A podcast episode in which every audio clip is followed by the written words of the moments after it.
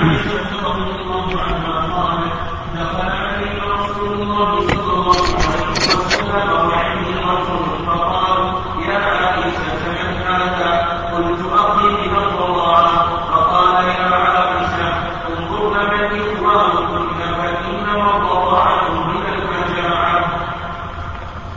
الله الرحمن الرحيم. إن الحمد لله نحمده ونستعين ونستغفره ونعوذ بالله من شرور أنفسنا ومن سيئات أعمالنا.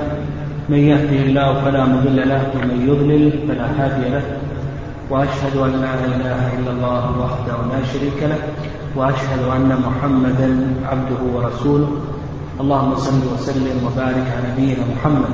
تقدم تعريف الرضاعة ذكرنا أنه في اللغة المص وأما في الاصطلاح فهو مص من دون الحولين لبنا تاب عن حمل أو وضع أو شربه ونحو ذلك. وأخذنا جملة من الأحاديث الواردة في هذا الموضوع. ثم قال المؤلف رحمه الله ونقل المؤلف رحمه الله في كتابه قال وعنها. يعني عن عائشة رضي الله عنها قالت دخل علي رسول الله صلى الله عليه وسلم وعندي رجل فقال يا عائشة من هذا؟ قلت أخي من الرضاعة فقال يا عائشة انظرنا من إخوانكن فإنما الرضاعة من المجاعة. قول النبي صلى الله عليه وسلم فإنما الرضاعة من المجاعة يعني الرضاعة المؤثرة هي في الوقت التي يحتاج فيها الرضيع إلى الغذاء. الرضاعة المؤثرة هي هي في الزمن الذي يجوع فيه الرضيع ويحتاج فيه إلى الغذاء وقول النبي صلى الله عليه وسلم فإنما الرضاعة من المجاعة. به يؤخذ أن الرضاعة المؤثرة أو أن من شروط الرضاع المؤثر أن يكون في الصغر. يعني أن يكون في الصغر.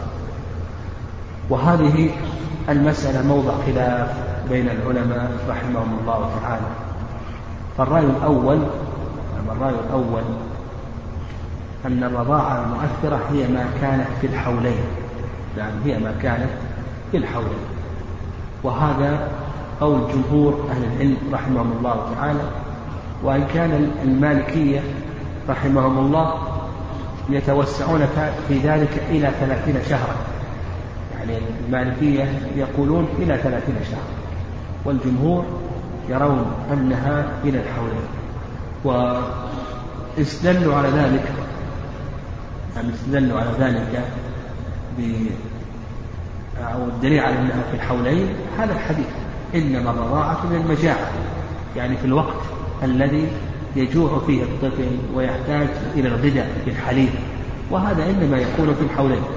وأيضا يدل لذلك قول النبي قول الله عز وجل والوالدات يرضعن أولادهن حولين كاملين. يعني والوالدات يرضعن أولادهن حولين كاملين لمن أراد أن يتم الرضاعة. وأيضا يدل ذلك حيث ابن عباس لا رضاعة إلا ما كان في الحولين. لا رضاعة إلا ما كان في الحولين. الرأي الثاني نعم الرأي الثاني. أن أنه لا يتقيد بالسن وإنما يتقيد بالحال. فما كان قبل الفطام ما كان قبل الفطام فإن الرضاعة مؤثرة. وما كان بعد الفطام فإن الرضاعة ليست مؤثرة. أن العبرة بفطام الصبي فما كان قبل الفطام فالرضاعة مؤثرة ولو كان بعد الحول ما دام أنه لم يفطر وما كان بعد الفطام فإن الرضاعة مؤثرة.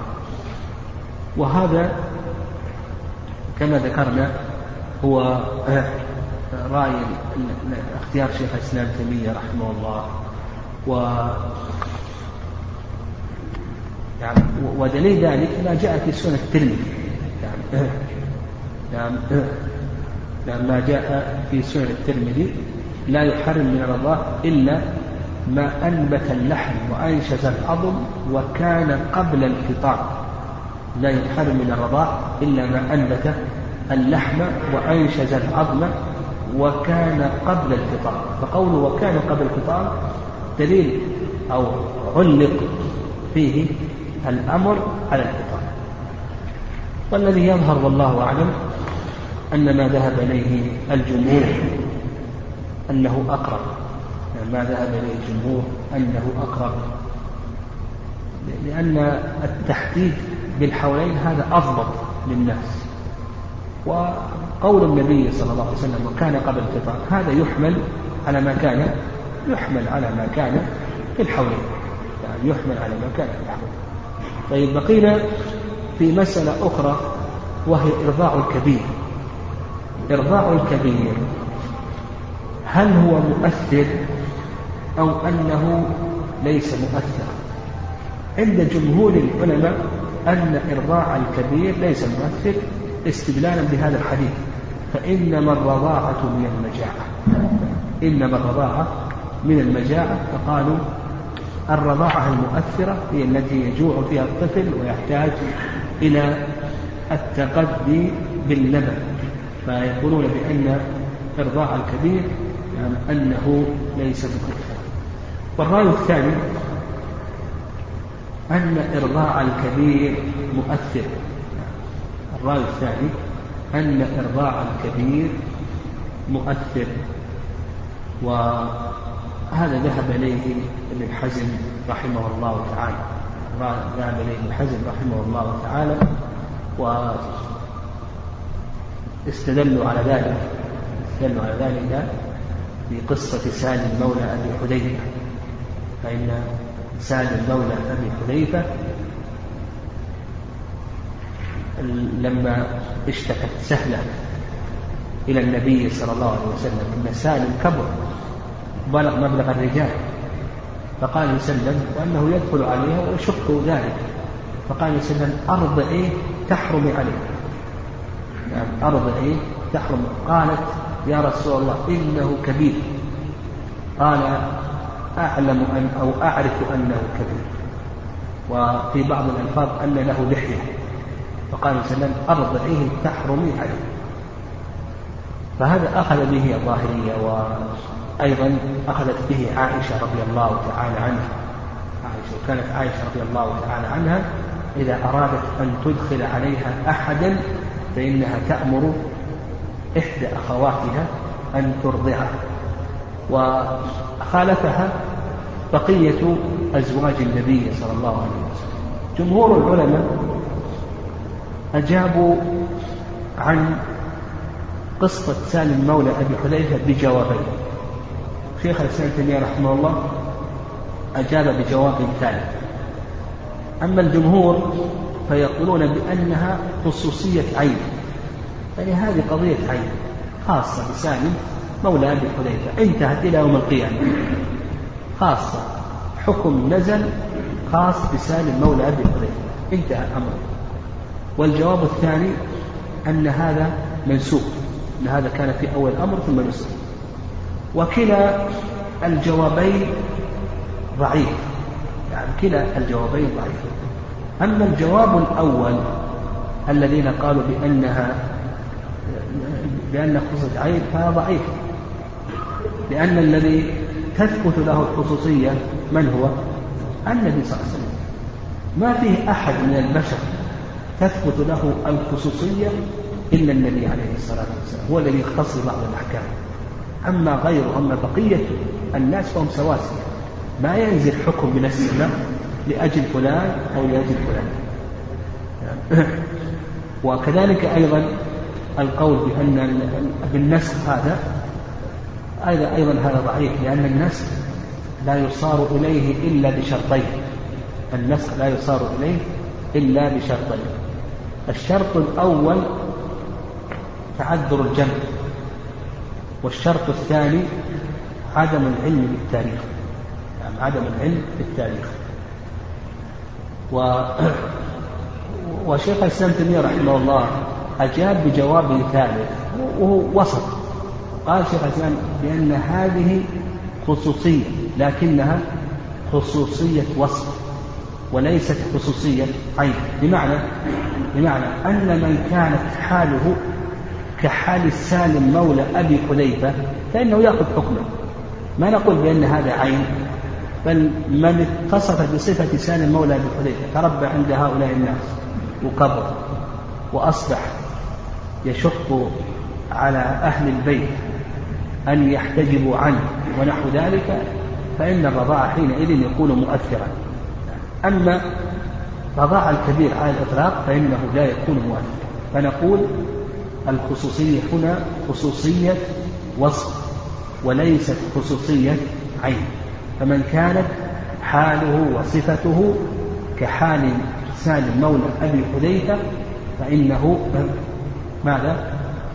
الرضاع في حقه يؤثر وإلا فإنه لا يؤثر كذلك أيضا قوله فإنما الرضاعة من المجاعة قول النبي صلى الله عليه وسلم الرضاعة هذا يشمل قليلا الرضاع وكثيره وهذا موضع خلاف بين العلماء رحمهم الله تعالى فالمشهور مذهب أبي حنيفة ومالك أن قليل الرضاع وكثيره أنه محرم أن قليل الرضاع وكثيره محرم لأن الله سبحانه وتعالى قال والوالدات يرضعن أولادهن حولين كاملين قال وأخواتكم من الرضاعة وكذلك أيضا يدل لذلك فإنما الرضاعة من المجاعة هذا يشمل القليل ويشمل الكثير.